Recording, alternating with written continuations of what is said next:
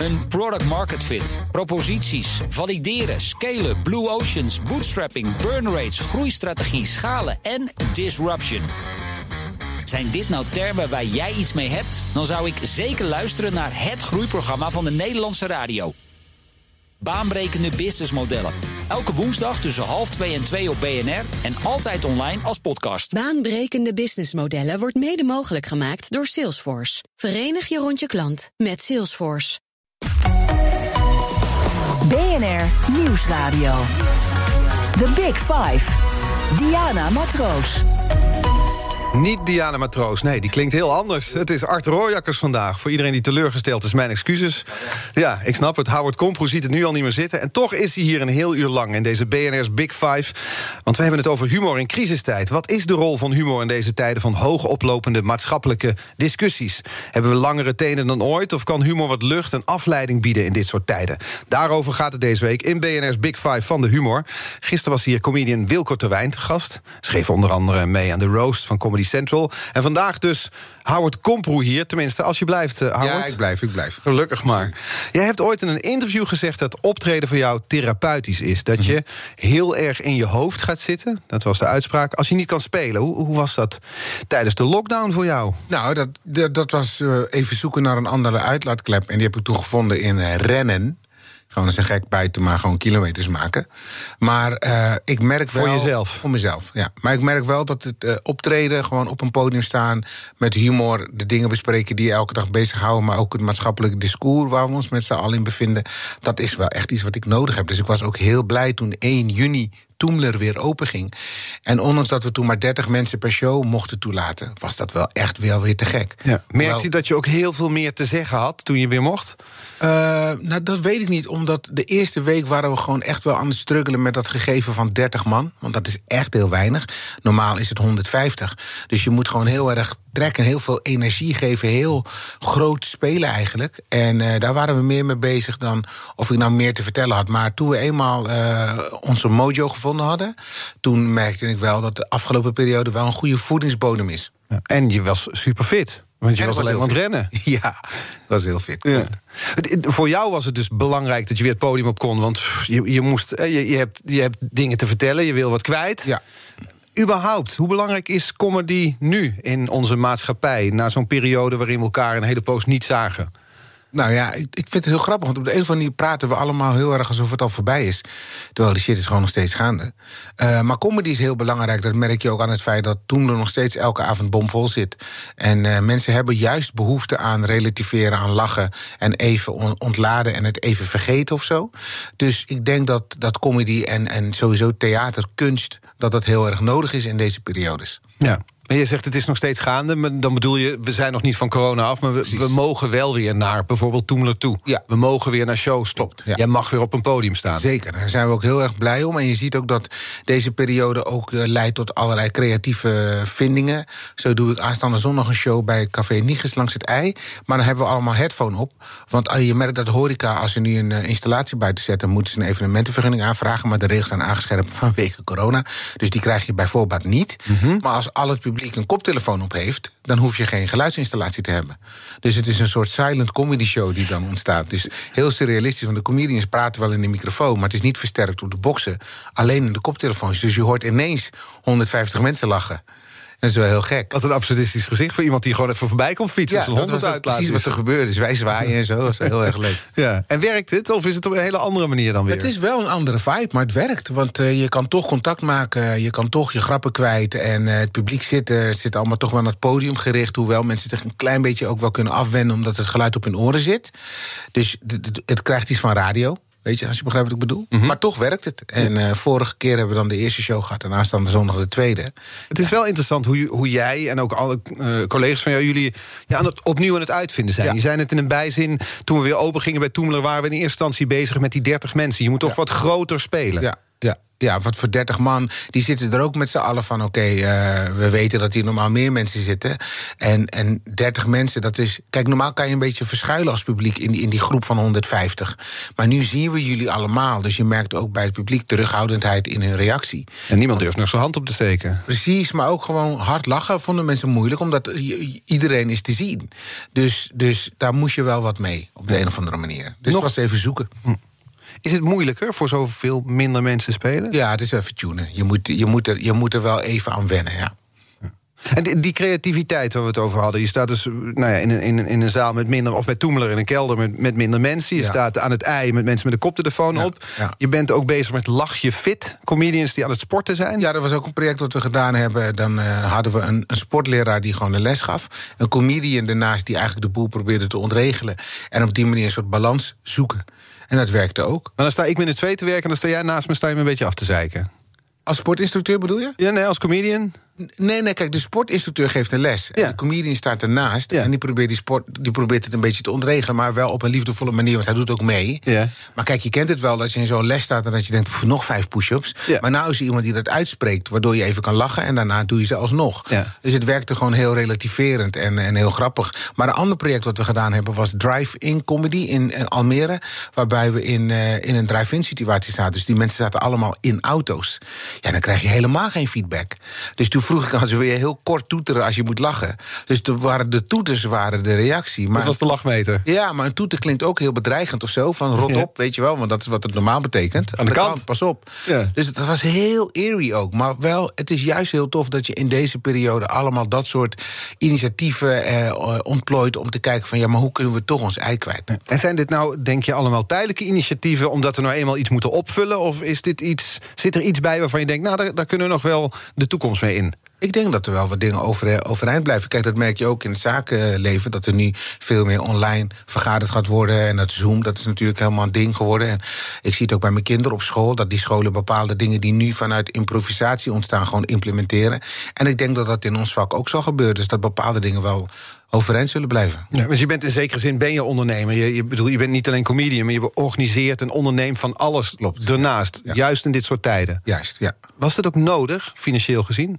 Uh, nou ja, we hadden natuurlijk ook een klein beetje die Tozo-steun of zo, weet je wel. Daar hebben we in het begin allemaal wel uh, aanspraak op kunnen maken. Maar omdat bepaalde gigs bleven, kon ik niet aanspraak maken op die gemeentelijke ondersteuning. Omdat je dan weer net te veel blijft verdienen. Dus het was ergens ook wel een, een situatie van hoofd boven water houden.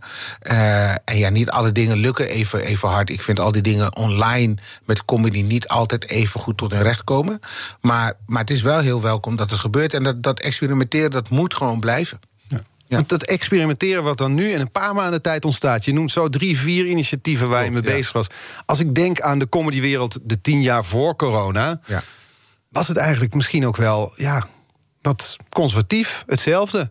Nou, dat weet ik de, niet. De zalen werden groter, oké, maar de vorm nou, ik ben wel altijd iemand die bezig is. Ik heb zelf een keertje meegedaan aan een van die projecten van met de lulverhalen. Ja, dus met wisselend succes. Op zoek...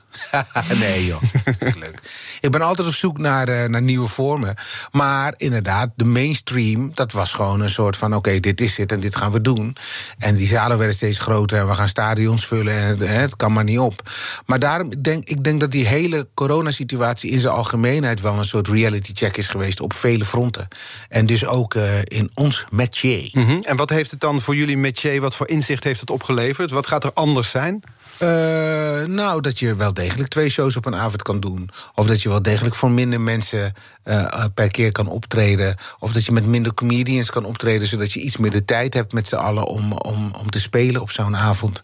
Dus er zijn gewoon verschillende inzichten. En ik denk inderdaad, wat je net al aangaf, dat sommige dingen zullen overeind blijven. Mm Wat hoop je dat niet meer terugkomt uit de comedywereld van voor corona?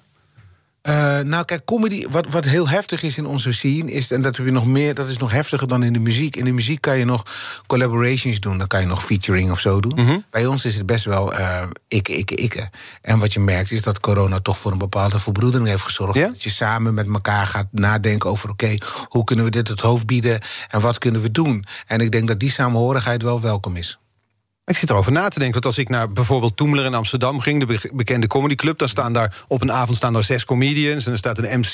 Die praten het aan elkaar. Dat komt altijd als een soort vriendenclub over. Maar dan, Nee, dat is ook zo, dat is ook zo. Maar je wil natuurlijk uiteindelijk dat jouw optreden het beste is. Je bent daar toch wel eh, een soort van eh, narcistisch in of zo. Je Ja. wil dat de mensen de volgende dag denken... oh ja, dat vonden we te gek. En dat, Hij was dat de beste. Nou ja, beste niet eens zozeer, want het is geen wedstrijd... maar meer dat je probeert indruk te maken op mensen.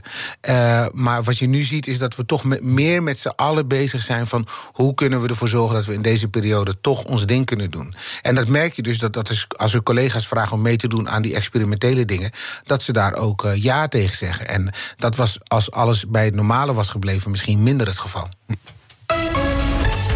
The Big Five. Art Rojakkers.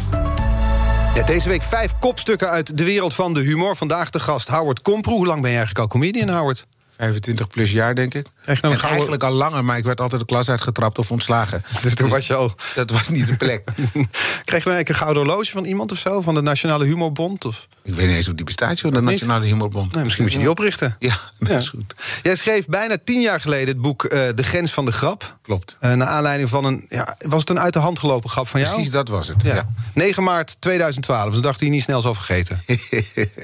nou ja, kijk, ik had gewoon bedacht, dat is een leuke grap. En ik weet zeker, als ik daar een bit van had gemaakt in een comedystuk... oké, prima, weet je wel, dan had ik daar gewoon mijn eigen ding van kunnen maken. Maar nu zit hij op Twitter.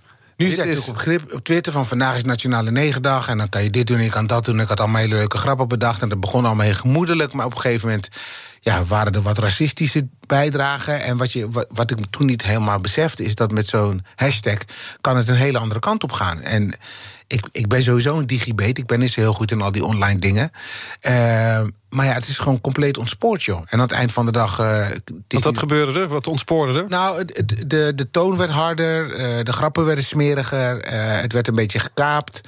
Zwarte mensen werden boos van ja, waar komt dit nou weer vandaan? En wie heeft dit dan bedacht? En, en, en op een gegeven moment was de hele context was verdwenen. En was er alleen nog maar puur wat er, wat er door mensen werd geschreven, bleef over. Toen heeft iemand het ook nog over, de- over zee gegooid naar Amerika. Die heeft, is dingen gaan vertalen. En daar kwam de hele radicale eh, eh, beweging in actie. En voor ik het wist, had ik het gewoon niet meer in de hand. Eh, het was een soort monster geworden dat ik niet meer kon beteugelen.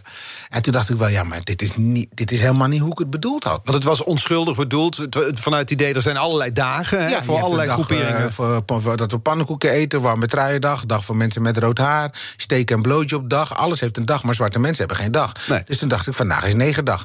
En dat is gewoon een, een leuk dingetje. En eh daar had ik allemaal leuke dingen bedacht. Nieuwe televisieprogramma's, Goed en Negen, Slechte Negers helpen, Mijn man is geen neger, bla bla bla. Allemaal leuk. Eh, maar dat werd op een gegeven moment gewoon uit zijn verband getrokken. Mhm. en, het, en het werd steeds racistischer. En, en daar waren zwarte mensen terecht ontevreden over. En toen werd er gezegd van, maar waar komt het dan vandaan? Ja, dit heeft Howard bedacht. En toen leek het net alsof ik een platform had gefaciliteerd... voor racisten om allerlei stront over ons heen te gooien. Dat is natuurlijk nooit mijn bedoeling geweest. Dus toen heb ik wel geleerd dat bepaalde grappen... moet je gewoon bij jezelf houden... en die kun je beter in een voorstelling gieten... of in een column of in een filmpje of whatever. Maar dan heb je gewoon controle over wat ermee gebeurt. En... eh, en, en dat is een waardevolle les geweest. Een heftige les ook. En naar aanleiding daarvan heb ik toen het boek geschreven. Want mensen zeiden, ja, dit gaat te ver. Wat was dit heftig aan? En de les, voordat we het over het boek hebben. Je zegt, het was een heftige les die ik leerde. Nou ja, omdat ik er echt wel last van heb gehad. Ik bedoel, ik ben door, door mensen die me dierbaar zijn... eh, voor van alles uitgemaakt, omdat ze de context niet helemaal begrepen. Mensen zijn vrij snel in, eh, in het eh, beoordelen van iets. Hè. Tegenwoordig hebben we helemaal geen tijd meer om te kijken... of te onderzoeken van waar komt het vandaan. Nee, het is kut, nee, het is slecht, nee, met een eikel, je met een dit, dat. Kun je dat gedaan hebben? Ja, en dan moest ik weer helemaal terug naar nul van uitleggen en smeken of van eh, luister naar even naar me. Dus dat was wel heftig. Dat was wel heftig. En die mensen die je dierbaar waren, je sprak een verleden tijd. Zijn, ben je mensen verloren door die rel? Nee, niet zozeer dat ik mensen ben verloren, maar er zijn wel wat dingen misgegaan gewoon. Destijds. En die, die, die je dan op dat moment niet meer kon repareren. En dan heeft het tijd nodig en dat is verder prima. Maar op dat moment was het wel echt een, eh, even lastig. Wat ik wilde zeggen, het, het is niet dat ik politiebescherming kreeg, maar ze waren wel alert. Omdat er gewoon echt hele lelijke dingen werden gezegd eh, met doodsbedreigingen aan toe. En die kwamen dan uit welke hoek? Uit, Uit uit- alle hoeken. Dus, dus eh, mijn eigen mensen die boos waren dat ik volgens hun dit had gefaciliteerd. En witte mensen die sowieso elke gelegenheid aangrijpen om. eh, dus die, die, dat soort witte mensen die dat soort gedachten hebben om. eh, ja, domme dingen te roepen en eh, tof te doen. En de les die jij daarvan leerde is... dit moet je niet zomaar los dus op social media gooien, zo'n Ja. grap. Dit moet je meer in eigen hand houden. In een column of in een voorstelling. Precies. Want wat voor verschil had dat gemaakt? Nou, kijk, als ik het in een voorstelling had gemaakt, dan had ik het bij mezelf gehouden. En dan hadden mensen er wel een mening over kunnen geven, maar dan hadden ze er niet aan mee kunnen doen. Maar door zo'n hashtag, wat ik toen dus onvoldoende beseft had nog, is dit echt een eigen leven gaan leiden. En was het compleet. Je moet je voorstellen, je gaat paardrijden. Op een gegeven moment gaat het paard in galop weg. En je kan de teugels niet meer vasthouden. En het draaft maar door. Maar het wordt wel de hele tijd teruggelinkt aan jou. Het is jouw paard. Ja, maar ja, zo is het niet bedoeld. Nee, maar het begon bij jouw paard, dus ben jij de schuldige. Precies. Ja. Ja. En jij dacht dus, dit is wat, wat overkomt nu. Ik zit daar middenin en jij, jij vertaalde dat uiteindelijk in een boek, De Grens van de Grap. Ja, omdat heel veel mensen zeiden: dit gaat te ver, dit gaat alle grenzen te, buiken, te buiten, houdt bek te buiten. Toen dacht ik: ja, maar, maar wacht nou eens even. Wie bepaalt nou, wie bepaalt nou waar een grens zit? Want er waren mensen die zeiden: we gaan hem aangeven voor eh, dit of dat. En toen heb ik dus een aantal grensbewaarders gezocht om met mij te kijken: van, maar wat is daar nou? Wat is er nou reëel in? Zo heeft- heb ik met meneer Spong gekeken naar van... wat kunnen mensen nou juridisch tegen me ondernemen? Hij zei nou niet zoveel, want je bent een comedian. Het is duidelijk dat het om satire gaat. Dus ja, je kan jou nou niet gaan aanzetten... of aangeven voor aanzetten tegen dit of dat. Dat is niet aan de orde. Terwijl er wel mensen die, die reageerden met... ja, we gaan hem aangeven en hij moet worden aangepakt. Dus ik ben er toen over gaan nadenken. En je merkt dat de grens van de grap, van het toelaatbare... dat verschilt. De een kan veel meer hebben dan de ander. Dat is ook uiteindelijk de conclusie van het boek. De grens van de grap ligt voor iedereen ergens anders. Eh, maar wat ik heb geleerd is dat als je een grap wil maken over iemand, dan is de grap volgens mij geslaagd als diegene meelacht. Als ik een grap over jou wil maken en de hele redactie lacht en jij lacht mee, dan is het oké. Maar als ik een grap over jou maak en iedereen lacht en jij voelt je de kloten onder, ja, dan heb ik misschien wel een grap gemaakt, maar dan was het niet zo geslaagd omdat jij er niet om lacht. En dat is voor mij wel een, een graadmeter. Dat is de graadmeter. Dus je, het, het slachtoffer of slachtoffer, degene waarover je de grap maakt, moet het zelf ook leuk kunnen vinden. Ja, dat Dus vind ik gaat echt het ook heel over het incasseringsvermogen van degene over wie de grap gaat. Precies, maar dus ook over hoe je de grap boetseert, hoe je de grap maakt. Want je, je kan heel makkelijk een grap over iemand ten koste van iemand maken en dan lachen we met z'n allen. Maar ja, is dat dan leuk? Is dat dan humor? Is dat dan kunst of zo? Heeft dat meerwaarde? Ik denk dat het veel interessanter is als je diegene erin mee kan nemen. Ja. Dat je dan veel meer bereikt hebt. Maar het is ook lastig, want als je, je maakt ook soms grappen over groepen. Dan sta je op het podium en dan zeg je iets, weet ik het, over Marokkanen... of je zegt iets over witte mensen. Of, Ja. Maar dan, is het, ja, dan, dan kan een één individu in die groep het niet leuk vinden. En dan? Nee, oké, maar je hebt dan natuurlijk nog zoiets als de, de, de groep, de, de kracht van de meeste mensen of zo. Dus als je een grap maakt over Marokkanen waar Marokkanen ook om kunnen lachen, prima. En dan zal er één zijn die het niet leuk vindt. Nou, prima. Je kan nooit iedereen tevreden houden. Maar het gaat wel over eh, het algemene gevoel. En dat voel je wel. En je voelt ook heel goed wat intentie is. Dus als de intentie is om andere mensen te kwetsen. Ja, wat is dan, wat is dan het doel? Is dat een doel op zich? Is dat leuk? Bereik je daar iets mee? Dus ja, ik, ik vind die vorm van humor niet zo boeiend. Ja, we hadden, gisteren hadden we het bijvoorbeeld eh, met Wilco Terwijn... die hier te gast was over Hans Theeuwen... die al, nou, is het, 13 jaar geleden... over de meiden van Halal een, een, een, een lied had gemaakt. Vrij grof. Zij vonden het zelf niet leuk. En hij zei, ja, maar dit is mijn recht. Ik ben comedian. Ik mag zeggen wat ik wil. En het recht om niet beledigd te worden bestaat niet. Klopt. Maar jij zegt, ja, toch als iemand zich beledigd voelt... als iemand het niet leuk vindt, dan vind ik het eigenlijk geen grap meer. Nou, voor mezelf is dat een graadmeter. Dus als ik, als ik grappen zou willen maken over de meiden van Alal... en ik zou ze willen laten weten dat ik het niet helemaal eens met ze ben... en ik krijg het voor elkaar om dat op een manier te doen... dat ze er ook om kunnen lachen, maar wel snappen dat ik het niet met ze eens ben... dan denk ik dat ik meer bereik dan wanneer ik grappen over ze maak... om ze te laten merken dat ik het niet met ze eens ben... maar ze voelen zich gekwetst aan het eind. Want dan, ja, dan, dan blijft er alleen maar pijn over. En ik denk niet dat dat een goede emotie is om in redelijkheid nader tot elkaar te komen. En Dat stopt de dialoog in zekere stopt zin. het toch? Ik bedoel, ja, als iemand je pijn heeft gedaan... of je beledigd heeft of je op zo'n manier geraakt heeft... is het heel moeilijk om open te staan voor de aanvankelijke intentie... of de bedoeling of de boodschap. En ik denk dat je daar dan niet zoveel meer mee bereikt. Ik ben, ik ben wel eens bij avonden geweest die jij presenteerde... waar jij dan de MC was. Mhm.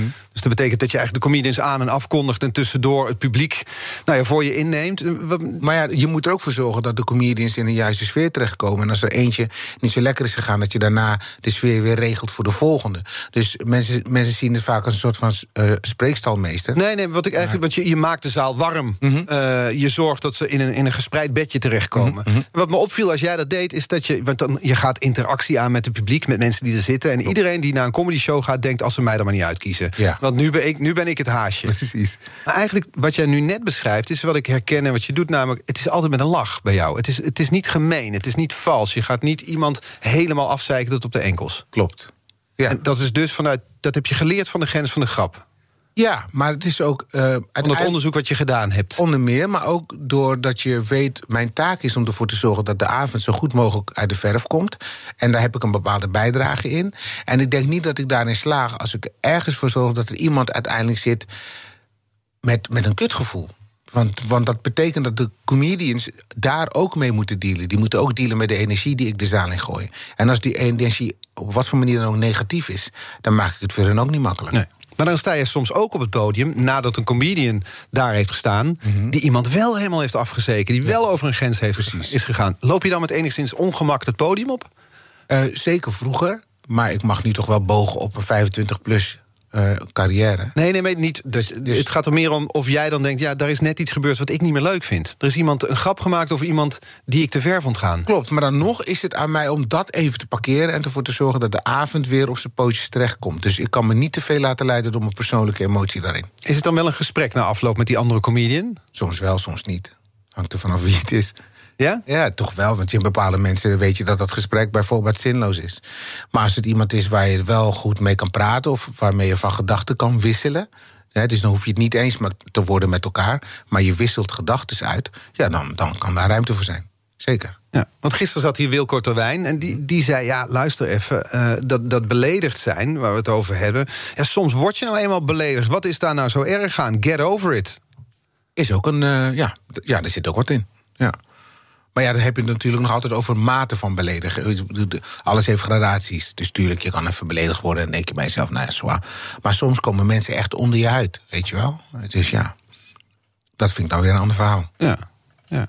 Je bent zo gematigd. Ja, vind je? Ja. Ja, misschien ben ik weegschaal. Ben ik altijd op zoek naar balans. Ik Zou dat wat het is. Ja, ik- ben niet zo. Ik, ik, ik zie het niet, ik zie niet in waarom ik eh, al die extremen zou moeten opzoeken. Want Omdat we daarvoor naar comedians luisteren misschien. Dat zij dingen durven te zeggen die wij alleen maar denken. Nee, oké. Maar dat hoeft toch niet altijd negatief te zijn? En als het over beledigen gaat, het lijkt me heel moeilijk iemand te beledigen zonder dat je negativiteit opzoekt. Dus ja, als je die twee dingen. Als, als dat is wat je ambieert, moet je dat vooral blijven doen. Maar ja, daar mag iedereen zijn eigen vorm in zoeken. Ja. Die, die rel waar we het eerder over hadden, rondom de Nationale Negendag... dat was, is inmiddels acht jaar geleden. Ja. Zou dat, als je nu zoiets zou doen, zou dat compleet anders vallen? Ik denk het wel, want in de afgelopen acht jaar heeft dat woord op zich al een, al een zwaardere lading gekregen. En ehm, ik denk dat ik het nu ook niet meer op die manier zou doen. Ik zou het wel misschien in de voorstelling kunnen doen, maar ik zou het nooit van zijn leven op social media gooien.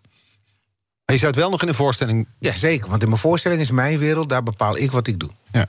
Maar je zegt, het, het woord zelf heeft een negatievere lading gekregen. Ja, klopt, maar dan nog zou het kunnen. Ja? Ja, tuurlijk. Want eh, je, je, kan er, eh, je, kan er nuance, je kan er nuance bij gooien. Je kan het eh, tussen haakjes gooien. Je kan, je kan er van alles mee doen. In je eigen voorstellingen is je eigen wereld. Dus daar ben je gewoon een soort wizard die alles kan maken. ja. Maar kan het dan... want voor jou heeft het ook een negatievere lading gekregen, misschien dat woord?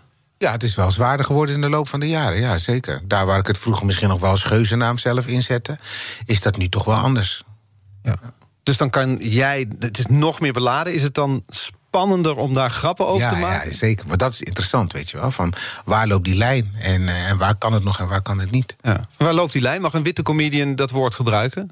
Is tricky, maar het heeft wel heel, het heeft veel te maken met intentie. Daar ga je weer. Dus als, als je dat woord gebruikt, maar uiteindelijk blijkt dat de intentie niet negatief is, maar je wil gewoon dat woord gebruiken als middel om iets uit te leggen, dan, dan, dan kom je er dan veel makkelijker mee weg dan dat je het alleen maar gebruikt om dat je vindt dat mensen ook maar eens een keer beledigd mogen zijn. Ja. Het is hypergevoelig. Hè? Er worden voetbalcoaches ontslagen als ze Ja, meezingen ja, met een lied in Amerika. Ron Jans bijvoorbeeld. Dus. Het is, maar dat, het feit dat het zo gevoelig is, maakt het juist materiaal voor comedy? Denk ik wel, want, want dat is juist eh, wat het nodig heeft voor, voor dat onderzoek van waar staan we nu. En wat je, wat je net aanhaalt, dat voorbeeld van eh, Ron Jans in Amerika.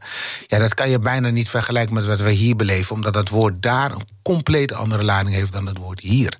En uh, ja, tuurlijk. Dus, dus het is heel heftig wat er gebeurd is met hem. En ik geloof niet dat hij negatieve intenties heeft. Maar je moet wel beseffen dat je daar in een andere samenleving zit. Waar dat soort woorden gewoon een compleet andere lading hebben. En een andere geschiedenis dan, uh, dan wij hier. Dus dan valt het anders. En dan zijn de consequenties en de gevolgen ook anders. Ja. En als je dat blijft bezien vanuit de bril van hier. Ja, dan, dan, dan, dan zie je het niet vanuit het juiste perspectief. Nou, je moet het bekijken in de samenleving die daar is. Ja. En hij zit daar mee te zingen in de kleedkamer met een nummer. En dan, precies. dan zijn dit de consequenties. Absoluut. En in de samenleving van hier, er staat een witte comedian die jij aankondigt. En die maakt de ene foute grap over negers naar de andere. Ja. Stapt het podium af. Ja. Dan ga jij een gesprek aan. Uh, misschien wel, misschien niet. En waar hangt het dan vanaf? Gevoel, nuance, intentie. Ik laat de stilte vallen omdat ik het probeer te begrijpen. Dat begrijp ik, snap ik. Maar ja, dat is, dat is nou eenmaal wat het is. Ik kan dat niet. Er is hier niet een soort pasklare mal voor die ik erop kan leggen. Dat heeft echt te maken met het hier en nu van dat moment. Ja, en dus wat, wat er ook gebeurt in, uh, in zo'n avond... en of iemand of de grap goed is misschien zelfs. Ja, of, en, en, en ook de samenstelling van het publiek zal daar dan weer zijn weerslag op hebben. De, de plek in Nederland waar je het speelt. Alles, alles, alles doet mee in de beoordeling. Ja. Mijn gast vandaag in uh, BNR's Big Five van de humor is uh, comedian Howard Komproe. Waar hij nog zijn weg omhoog moest knokken, hij wel. Komen cabaretiers tegenwoordig misschien wel veel meer in een gespreid bedje uh, terecht. Alhoewel, door de coronacrisis is dat maar de vraag. Maar het was wel zo, zalen zaten snel vol. Ja. ja. De, vraag, de vraag is of dat nog wel goede grappen oplevert. Dat gaan we zo bespreken. BNR Nieuwsradio. The Big Five. Art Rojakkers. Welkom bij het tweede halfuur van BNR's Big Five. Deze week vijf kopstukken uit de wereld van de humor. Te gast vandaag comedian Howard Komproe, al 25 jaar comedian, misschien al zelfs al langer. Klopt, ja. Ja. Uh, vandaag een, een groot stuk in de Volkskrant, Howard. Ik, ik heb het, het, het, we zijn wel vier pagina's. Ze hebben maar liefst 1655 fragmenten uit Voetbal International geanalyseerd. Wow. Van de afgelopen twee jaar. Naar aanleiding van de rel rondom uh, Aquasi, ja. uh, de rapper. Uh, die werd door Johan Derksen vergeleken met, met Zwarte Piet. Ja. Uh, hoe heb jij dat beleefd? Ja, als er zoveelste voorbeeld van iemand die dan zegt van ja, maar het is maar een geintje. Terwijl dat is gewoon niet zo. En dan moet je ook gewoon eerlijk in durven zijn. Je wil gewoon een of ander statement maken. En, en sta er dan ook voor. En ga je dan niet daarna verschuilen achter het is maar een geintje. Ik vond wat er daarna gebeurde, dat Natasja Harleken in de uitzending kwam en hem daarover aan de tand voelde. Heel uh, interessant om te zien hoe hij er toch maar weer probeerde omheen te draaien. En niet tot de, tot de kern durfde te komen. En daarna dat hele ding van ja, we gaan niet meer verder en het valt uit elkaar. Bullshit, weet je wel. Ze hebben gewoon van de hoofdpapa te horen gekregen en jullie gaan gewoon weer samenwerken. Ja, ik moest heel erg denken aan vroeger als mijn broertje en ik ruzie kregen tijdens Monopoly. Dat mijn moeder zei: nee, jullie maken het spelletje af. Dat je dan met tegenzin dat klote spelletje moest afmaken. ja, ja. Ik ben heel benieuwd naar of die jongens dadelijk weer uh, samen het programma moeten maken. En dat was niet toevallig Monopoly, omdat het hier ook over veel geld gaat. Precies. Ze hebben in die krant hebben ze allerlei fragmenten dus geanalyseerd. En het gaat toch, want jij zegt ja, het was geen geintje, je wilde een statement maken. Uh, daarin is een heel onderzoek. 38% van de grappen noemen ze het, gaat over witte heteroseksuele mannen. Iets minder dan 31% over vrouwen. 21% over personen van kleur. En 14% over homo's. Mm-hmm. Um, maar wordt in het, de conclusie van het stuk wilde ik je graag voorleggen. Want er staat aanstaande vrijdag keert het programma terug op tv. Ja. De gevoeligheid in de samenleving voor harde grappen is toegenomen. In dat licht mogen Derksen, Van de Grijp en Gené hun borst nat maken. Oké. Okay. Hoe zie jij dat? Ja, die jongens moeten gewoon doen wat ze, wat ze, waar zij vinden dat ze zich goed bij voelen. Ik denk dat ze een hele eigen doelgroep hebben. Mensen die dat interessant vinden. Um, ik vind het niet zo boeiend wat ze doen, dus ik kijk er ook niet naar. En ja, we zullen vanzelf wel weer merken wanneer ze over de rand piezen. Ja, maar die gevoeligheid die beschreven wordt... de gevoeligheid in de samenleving voor harde grappen is toegenomen. Is dat iets wat je herkent? Ja, de, kijk, als veel van deze dingen gebeuren... dan gaan we er met z'n allen natuurlijk veel meer aandacht voor hebben... en dan gaan we daar met z'n allen wat meer op letten. Maar ik denk niet dat het een beperkende, een beperkende iets hoeft op te leveren. Want ja, aard van het beest is aard van het beest. Ja. En jij, vindt, bedoel, je, jij zegt het zijn geen grappen, het is een statement die je wil maken. Vind je dat ze die... Dat vond ik, die, die grap van Johan met betrekking tot Aquasi... was duidelijk niet als grap bedoeld. Hij wilde gewoon een trap geven. Nou ja, prima. Maar dan moet je daar ook voor staan, toch? Ja. Nou, je, je, je liet je erover uit op social uh, media. Je ja. schreef uh, Stand with Aquasi. Willen jullie meer of minder zwarte pieten? Vroeg jullie uh, vroeg ja. je af op Instagram. Ja. Um, dus het ging je aan het hart. Uh, na, aan het hart, aan het hart. Ik, ja, tuurlijk. Ik, uh, Aquasi is een goede vriend van me. En uh, ik vind het vrij heftig wat hij allemaal meemaakt. daar waar een hele groep mannen is in het discours die zeggen: ja, we mogen niks meer zeggen. En vervolgens de hele tijd van alles zeggen.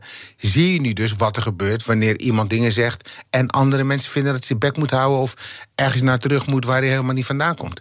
Dus vandaar dat ik daar, daar op sommige momenten op social media wel iets over zeg. Ja, en vond ik interessant dat je dat doet. Naar aanleiding van waar we het eerder over hadden. Je liet je ooit uit over de Nationale Negendag. Een grap. Mhm. Liep uit de hand. Zei je, dan moet ik misschien. Ik ga, ik ga mijn podium is het podium. Of ik vat het in een column. Ik moet niet meer losse dingen. Maar op social media, op zo'n moment als dit, denk je toch: nee, nu, nu moet ik me uitspreken. Vind ik wel. Ja. En dan doe ik dat ook. En waar zit hem dat in? Waarom moet dat nu dan wel? Uh, omdat ik het belangrijk vind om te laten zien dat ik daar een bepaalde mening over heb. En, uh, en dat, ik, dat ik vind dat er een bepaalde uh, er is een bepaald onevenwicht in dat hele verhaal. En ehm, ik heb nou eenmaal een soort platform. En dat kan ik gebruiken om uh, leuke recepten te delen en allemaal leuke grappen te delen. Maar soms moet ik ook gewoon laten horen wat ik ervan vind. En mijn support uitspreken aan mensen die hun nek uitsteken. En wat zijn de reacties die je dan krijgt? Want het is social media. Het kan zo uit zijn verband gerukt worden. Ja, nou ja, mijn mening kan je dan op zo'n moment niet echt uit zijn verband drukken. Want het is wel duidelijk wat ik ervan vind. En die, die, die, die uh, reacties zijn natuurlijk wisselend. Maar ik heb geleerd om heel erg eh, gebruik te maken van de mute-knop. En niet meer met, alle, met allemaal mensen die uh, Nederlands zijn, maar alleen taalfouten maken, in discussie te gaan. Dus dan gebruik ik gewoon de mute-knop en dat is wel heel fijn. Ja, want je komt op verschillende momenten terug op, op Voetbal International, in die, in die maanden als je, als je terugkijkt. Ja, ehm, maar het is, het is niet altijd grappig bedoeld. Het is ook echt om je uit te spreken. Dus. Nee, zeker. Ja. ja. En nu komen ze weer terug, die mannen. Ze zitten er vrijdag weer. Ja, nou ja, alles gaat weer gewoon verder zoals het was. Iedereen deed het en alles wordt weer zoals het was. Kijk, daarom zeg ik, ik keek er niet naar en ik ga er ook niet naar kijken. Maar wanneer er uh, bullshit vanuit dat programma boven komt drijven... dan zien we het met z'n allen wel. Dus ja, uh, ik ben benieuwd. We gaan het zien. Vind je dat ze alles moeten kunnen zeggen daar? Zij moeten in principe alles kunnen zeggen, maar dan moeten ze zich ook bewust zijn van het feit dat ze daar dan soms tegengas in ervaren. En dat is wat er gebeurt. Dus zoals dat gegaan is, nu is goed en nu kan het ook weer gewoon doorgaan. Vind ik wel. Oké toch weer een soort gematigd. Dankjewel. Ja, ja je lekker, lekker consequent. Ja, dat wel, in ieder geval, ja. Over comedy, laten we het daarover hebben... over de, de markt voor comedy... die de mhm. afgelopen jaren echt groeide en groeide. Nou ja, toen kwam natuurlijk de, de coronacrisis... maar het leek niet op te kunnen. Ze begonnen... De jong comedians konden zometeen in uitverkochte zalen terecht, toch? Klopt, ja. Kijk, als je bij Comedy Train komt spelen... heb je eigenlijk het geluk dat je altijd in een uitverkocht huis speelt. Uh, en dat is, dat is fijn. Maar het is ook uh, verneukeratief op een bepaalde manier. Hoezo? Omdat je niet leert hoe het is om in een halve zaal te spelen. Kijk, toen ik back in the day met comedy begon... en vanuit comedy trainer het land doorging... Uh, dan kwamen we bijvoorbeeld in Eindhoven in een, in een wijk kraai en balder op de Strijpse straat. Dat is gewoon zo'n wijkkroeg. En dan had je dus dat cafégedeelte en daarachter had je een zaaltje. En dan stond een biljarttafel. En dan klommen wij dan op. En dan hadden ze zo'n ouderwetse soundmixbox. Daar werd een microfoon in geplucht. En dan moest je echt met je grappen die zaal stilspelen. Want er was er was niks. Er was ook geen respect voor. Er was, uh, er was geen... Een paar van die jongens uit Amsterdam hier grappig lopen doen. die denken dat ze leuk zijn. En als er dan eentje uit Eindhoven was die een beetje in dat dialect kon spreken... dan, uh, dan waren ze even stil en dan lachten ze wel. Maar als ik dan over wat ik meemaak in een grote stad begon te praten... ja, dat, dat beklijft daar helemaal niet. is helemaal geen herkenning. Laat staat referentiekader. En daar heb ik wel geleerd van... oké, maar hoe moet ik daarmee omgaan? Dan moet je crowdwork gaan doen, zoals we dat noemen. Dan moet je met het publiek gaan praten... en de verschillende uh, overeenkomsten gaan benadrukken. En zo krijg je engagement vanuit die zaal Twee buren gaan luisteren, die stoten die andere van... hé, stil, je moet je bek houden, want nu wordt het leuk. En zo leer je hoe je zo'n zaal voor je krijgt, uh, met je meekrijgt. En als jij vanaf nu door de populariteit van comedy dus eigenlijk gewend raakt om vanaf dag één in uitverkochte zalen te spelen die helemaal gericht zijn om het, om het comedy-ding te laten slagen. Uh, en, en, en je komt dan een keer in een halve zaal terecht met een publiek dat er misschien geen zin in heeft. Ja, dan is dat wel echt koude kermis. En dat is wel goed, want je moet, je moet al dat soort dingen meemaken om er te komen. Over wie hebben we het dan? Over wat voor jongens die het zeg maar, in jouw dagen meer van onderop hadden moeten leren, die nu bam, meteen heel groot zijn? Uh, ik weet niet of er direct namen aan te, aan, te, aan te verbinden zijn, maar het is gewoon een, een, een trend. Spreekt hier weer de genuanceerde Ja, Howard is- die denkt, ja. ik ga geen namen noemen. Nee, dat, je went eraan, hè. Ehm, want het is gewoon hoe, hoe comedy zich heeft ontwikkeld in de loop van de tijd. Het staat nu denk ik linksboven in het rijtje wat, wat mensen willen worden. Mhm. Terwijl toen ik aangaf dat de comedian wilde worden... moest ik de hele tijd uitleggen wat het was. En dat is wel in die 25 jaar enorm veranderd. En dat is aan de ene kant natuurlijk een hele goede en een hele fijne ontwikkeling... maar dit is wel een direct gevolg daarvan. Dus je ontwikkelingsproces, dat voltrekt zich veel meer nog... voor de ogen van het publiek. En, en, en daar, daar kijken mensen in mee. En dat maakt dat de, de leermomenten, die deel je dus ook met je publiek. Ja, maar dus als jij als jonge comedian nu meteen voor volle zalen stond... eh, één, twee tours gedaan door het land, overal zit het vol. En nu hebben we corona. In één keer sta je in Toemelen bijvoorbeeld voor 30 mensen... sta je voor half lege zalen. Ja. Dat is dus voor dat soort jongens veel moeilijker nu... Ja, dan ja, voor die iemand schrik- met de ervaring die jij Die hebt. schrikt zich rot, omdat het andersom is gegaan. Hè. Wij zijn gewend, wij hebben geleerd om vanuit lege zalen te groeien naar volle zalen. En dit is een andersom. Dus als je altijd volle zalen gewend bent en nu ineens, om wat voor omstandigheden dan ook, zitten er maar 30, dan denk je ineens, my, my, my god. En, en dan ga je dus, dan moet je nu leren hoe je daarmee omgaat. En dat is wel interessant, omdat dat een soort reversed ontwikkeling is. Ja. Klinkt ook een beetje alsof deze generatie dus nog veel te leren heeft... die er nu aankomt. Nee, zeker. Ja, Ja. ja. absoluut. En dat jonge talent, is dat dan nu door wat er nu gebeurt... door die zalen die leger zijn, waar mensen wat verder uit elkaar zitten... is dat dan zo'n harde leerschool dat we daar de komende jaren... de vruchten van gaan plukken als publiek? Ze krijgen nu weet je, een beetje een soort ontgroening.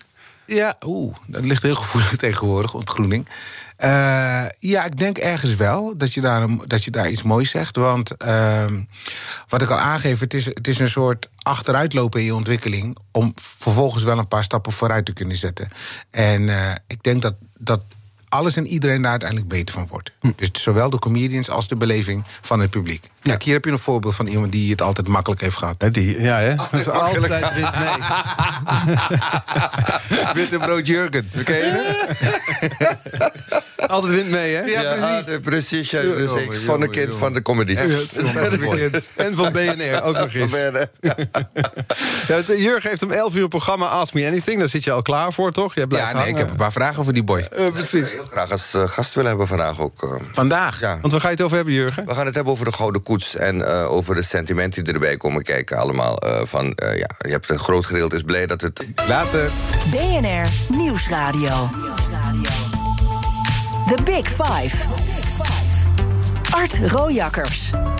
Je luistert naar BNR's Big Five van de humor... met nog steeds hier te gast stand-up comedian Howard Komproe. Stand-up comedian, maar ook ondernemer. We hadden het er al over. Je hebt allerlei initiatieven in deze coronatijd ontplooid...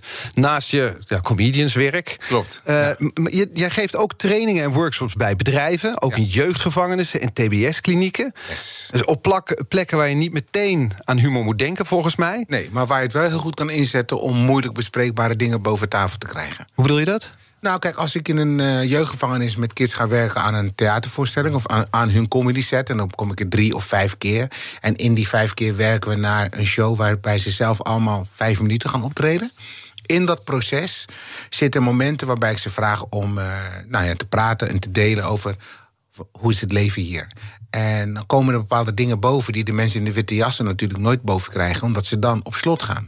En in dat maakproces van comedy zijn ze zo open dat er eh, bepaalde dingen naar boven komen die, eh, die heel interessant zijn. En waar de mensen daar ook wel wat aan hebben. Als twaalf van die jongeren aangeven dat iets een probleem is, dan weten ze dat het op zijn minst een aandachtspunt is, zoals ze dat in eufemistische taal noemen. Ja, bij de cliënten heet het dan ook volgens mij. precies, terwijl Kun je daar een voorbeeld van geven van pijnpunten die dan bij jou wel naar voren komen? Eh, moet ik even terug. Maar ik heb ooit een, een ding gedaan bij een meidengevangenis. Dat was heel heftig, omdat ik zelf twee dochters heb. Om dan te beseffen dat daar meiden van 12 tot 18 worden weggestopt. Dan is mijn eerste emotie is van wat er ook is gebeurd. Het is in principe volgens mij nooit hun schuld. Maar meer de schuld van de optelsom van de omstandigheden waarin ze zich bevinden. Ehm, en wat je zag is dat ze daar eh, toch wel behoefte hadden aan eh, meer, meer vertrouwenspersonen. bij wie ze bepaalde dingen konden eh, ventileren die niet een, een, een titel met zich meedroegen of vanuit een bepaalde hiërarchie met zich spraken, maar meer vanuit een eh, gelijkwaardigheid. En dat is iets wat ze niet zo snel durven te zeggen als er weer een loog of een kundige met ze komt praten, maar wel als er een comedian in een repeterende sessie eh, terugkomt. Ja, en dan kun je dus op die manier kun je het ook verwerken, bespreken. Ja, Ja. ja. Hoe zit dat dan in TBS-klinieken? Want ik kan me voorstellen dat het leven daar redelijk uitzichtloos kan zijn. Als je daar zit, je weet niet hoe lang je er zit, wat er, hoe lang het allemaal gaat duren. Valt er dan überhaupt iets, iets te lachen daar? Ja, tuurlijk. In alle soort uh, mini-biotopen er, ontstaat er een eigen humor, een eigen taal, eigen hiërarchie, eigen sfeer, eigen wereld. En die ken ik niet. Maar het is wel interessant om te, te zien in hoeverre ze je dan toelaten en je meenemen daarin. Zodat je ook een rol kan spelen in de totstandkoming van de humor die ze daar, uh, die ze daar uh, gebruiken. Want hoe stap jij daar binnen dan? Uh, nou ja, meestal wordt geïntroduceerd vanuit uh, bezigheidstherapie of zoiets dergelijks. Of uh, een ander intern traject wat ze daar dan hebben.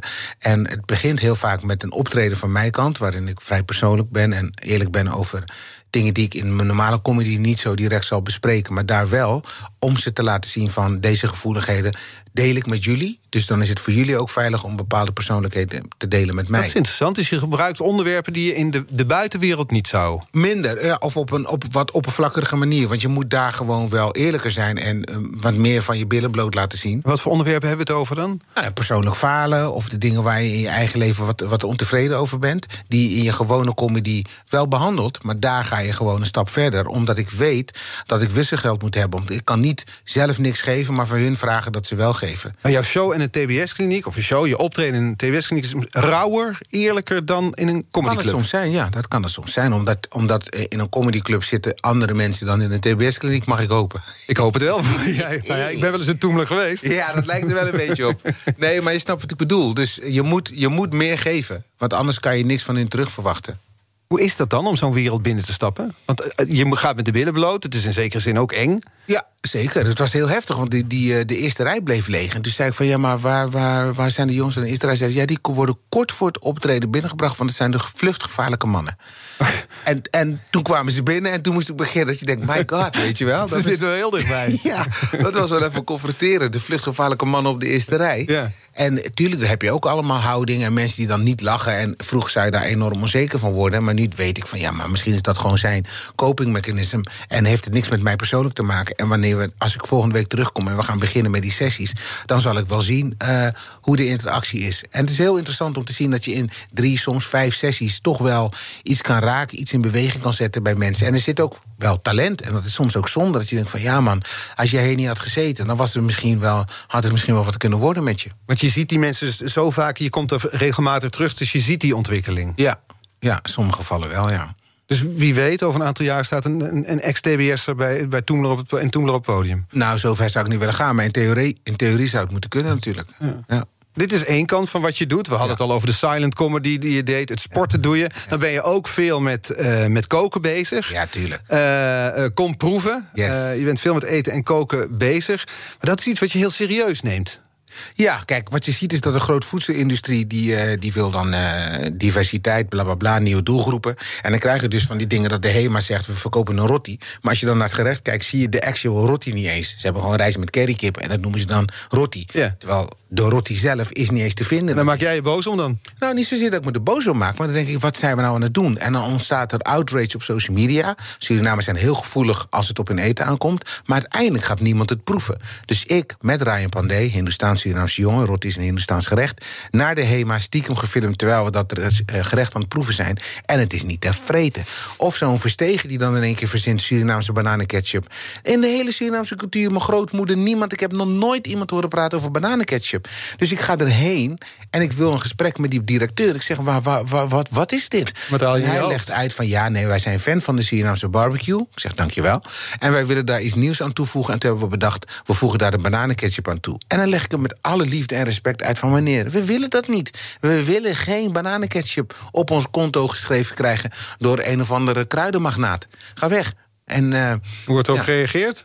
Nou ja, wisselend. Maar de meeste mensen zijn het gewoon wel met me eens. Want we kennen in Suriname gewoon geen bananenketchup. En dan ook nog die tagline volgens authentiek recept. Welk recept? Hoezo? Weet je wel? Er is helemaal niks authentieks aan dat hele ding. En uh, dus Komproef was een platform waarbij ik afging op dat soort rare dingen. Mhm. En dat is in de loop van de tijd wel wat breder gegaan dan alleen uh, de Surinaamse cultuur. En nu ga ik ook andere events daarmee ontwikkelen. Ik, uh, ik ben bezig met het opzetten van kooklessen, zodat mensen ook echt daadwerkelijk dit kunnen gaan doen. Met Brand en Levi, jou misschien niet onbekend, die jongens die lekker worsten maken. Zeker. Ik ben nu bezig met het ontwikkelen van een Surinaamse worst die we in de winkel gaan brengen. Het authentiek recept? Authentiek recept, zeker Gelukkig weten. maar, Uh, en uh, deze koude maanden kom ik ook met uh, een event waarbij ik steeds bepaalde recepten en gerechten in het zonnetje zet. Dus dit is niet in de, in de supermarkt te koop pindasoep in zak. Nou, dat kan niet lekker zijn. Ik ga het wel proeven. Filmpje over maken. Iemand moeten doen, Howard. Iemand moeten doen. Ja, ik jij offert je wel weer op. op. Ja, en daarna kom ik met een event waarbij ik pindasoep ga maken samen met chefs. En dan kunnen mensen komen en dan kun je proeven hoe een echte het wel moet. wel Ja. smaakt. Gisteren was hij dus Wilco Terwijn, Ja. eh, eh, comedian, ook tekstschrijver. Bijvoorbeeld aan de Roast heeft hij veel meegeschreven. En hij had eh, een kettingvraag voor jou. Dit was een vraag voor jou. Howard, je bent een fantastische comedian. eh, hele goede MC. Maar, wat misschien minder mensen weten... eh, je hebt ook een, eh, een foodblog... en je bent echt een, een foodie en een hele goede kok. Dus ik, ik was eigenlijk wel op zoek naar de combinatie daarin. En ik ben eigenlijk wel benieuwd... wat is jouw beste grap die je ooit over eten hebt gehoord of gemaakt? Beste grap die ik ooit over eten heb gehoord of gemaakt. Ja. Ik vind er altijd zulke moeilijke vragen, weet je wel. Van wat is je beste dit, je beste dat? Want dan moet, dan moet ik dus Dan moet je alle- nadenken en beoordelen. Doe maar een goede grap dan, in plaats van de beste. grap over eten. Die- Misschien zijn die er wel niet, kan ook. Nee, kijk, het, het grappige is dat ik net bezig was met het ontwikkelen van de avondvullende voorstelling Kom Proeven. Waarbij ik het ga hebben over de Surinaamse keuken. Mhm. En eh, wat je ziet is dat als je aan een gemiddelde Nederlander vraagt: noem een Surinaams recept, dan zeggen ze bijna altijd roti. Terwijl dat is niet eens een Surinaams recept. Dat is eigenlijk een Indiaas recept. Wat via via in Suriname terecht is gekomen. Dus wat ik in die voorstelling ga doen is uitleggen hoe die samenleving in Suriname eigenlijk is ontstaan. En welke bevolkingsgroepen hun keuken daar naartoe mee hebben genomen. Chronologisch. En zo kom je dan tot wat meer eh, inzicht en wat meer besef over de Surinaamse keuken. Dat is wat ik. eh, en dat ga ik wel weer op. Ik hoor geen grap, Howard. Nee, dat is waar. Ik ben een beetje aan het bent eromheen aan het kletsen. Ik ben eromheen aan het Je storen. hebt gewoon geen goede grap over eten. witte mensen, dan hoe je dat moet doen. Ehm, nee, ik heb zo direct niet meteen een, witte, eh, een goede grap. Nu ook over, nog een witte eh, grap. ja, over uh, Surinaams eten of over eten in zijn algemeen. Ik vind het een beetje moeilijk, man. Ja. Ja, Wilco heeft me hier wel te pakken. Ja, Nou, Zoek hem even op vanavond. We pasen hem gewoon door dan. Want morgen is hier Gieselinde Kuipers te gast, socioloog. Zij Ook doet- zat dat te denken, want die ken ik niet vanuit het comedy circuit. Nee, nee, nou ja, ze doet onderzoek naar comedy. Dat is natuurlijk interessant. Ze Ja. verbonden onder andere aan de Universiteit van Amsterdam. Jij mag haar een vraag stellen. Wat, wat zou je willen weten van haar? Zij doet onderzoek. Onderzoek naar, naar humor. Oké, en hoe, hoe doet ze dat, weet je dat? Eh, nou, ze doet nu bijvoorbeeld onderzoek naar humor over corona. Vraagt aan mensen om grappen daarover ook in te sturen. En ze kijkt ook naar de rol van humor in onze samenleving. En de ontwikkelingen daarin. Dan zou ik wel aan haar willen vragen... als je mensen vraagt om grappen in te sturen... en, eh, en je, je gaat daar dan wat mee doen... hoe beoordeel je dan die grappen als je context en nuance mist? Als je die grappen niet performed ziet worden... maar je ze gewoon leest droog vanaf een beeldscherm. Hoe, eh, hoe weet je dan hoe je de grap moet plaatsen? Eh, Want, want dan mis je misschien wel dat het tong in cheek is... of dat het ironisch of satirisch is bedoeld. Daar ben ik wel benieuwd naar, want En kun je als onderzoek bepaal, onderzoeker bepalen of iets grappig is of niet? Ja, want, want hoe doe je dat dan? Wat, wat, volgens mij heb je het wel nodig dat je ziet dat de grap wordt uitgesproken, dat die wordt performed. En als je dat niet hebt, hoe weet je dan hoe je de grap moet beoordelen? 25 jaar zit je in het vak. Mhm. Zit je nog 25 jaar in het vak? Ja, ik, ik moet wel, want anders eh, gaat het mis. Hoe ik bedoel je dat? ik anders moet doen. Ik kan alleen maar dit. Moet je kijken wat je allemaal doet. Koken. Ja, maar het heeft toch altijd wel een link weer naar eh, het willen delen met het publiek aan het podium en eh, eh, samen dingen doen. Dus dat zit in al die dingen die ik gedaan heb, zoals de lulverhalen of Padoen Pats. Ik wil altijd wat ik maak delen met andere performers en met het publiek. En dus als, ja, ik zou niet weten wat ik anders zou moeten doen als te- mensen tegen mij zeggen van de komende 25 jaar ga je maar wat anders doen. Nee. Dit is, ik, ik, ik zeg altijd, ik, ik ben mijn werk. Ik doe het niet, maar ik ben het ook echt. Hoe oud kun je worden als comedian? Volgens mij heel oud. Ja, er was een comedian waar we nu wat minder tegen aankijken door allemaal dingen die gebeurd zijn. Maar die was dik naast de zeventigste nog op een kruk gewoon hele zalen in Las Vegas aan het laten lachen. Dus volgens mij kan je dit tot een lengte vandaag blijven doen. Ben ik wel van plan. Ik wens je veel succes dan de komende kwart eeuw. Thanks voor dit gesprek. Vond het leuk. Howard Komproe, dank voor je komst. Graag gedaan. Ehm, ja, deze aflevering is straks terug te luisteren van BNR's Big Five. Net als alle andere afleveringen natuurlijk. Die podcast van ons is te vinden in de BNR-app en ook op bnr.nl. Eh, nu op deze zender Jurgen Rijman met eh, Ask Me Anything. En morgen dus een gesprek met onderzoeker Gieselinde Kuipers... over humor in coronatijd. Tot dan, tot morgen. Een product market fit, proposities, valideren, scalen, blue oceans, bootstrapping, burn rates, groeistrategie, schalen en disruption. Zijn dit nou termen waar jij iets mee hebt? Dan zou ik zeker luisteren naar het groeiprogramma van de Nederlandse radio. Baanbrekende businessmodellen, Elke woensdag tussen half 2 en 2 op BNR en altijd online als podcast. Baanbrekende businessmodellen wordt mede mogelijk gemaakt door Salesforce. Verenig je rond je klant met Salesforce.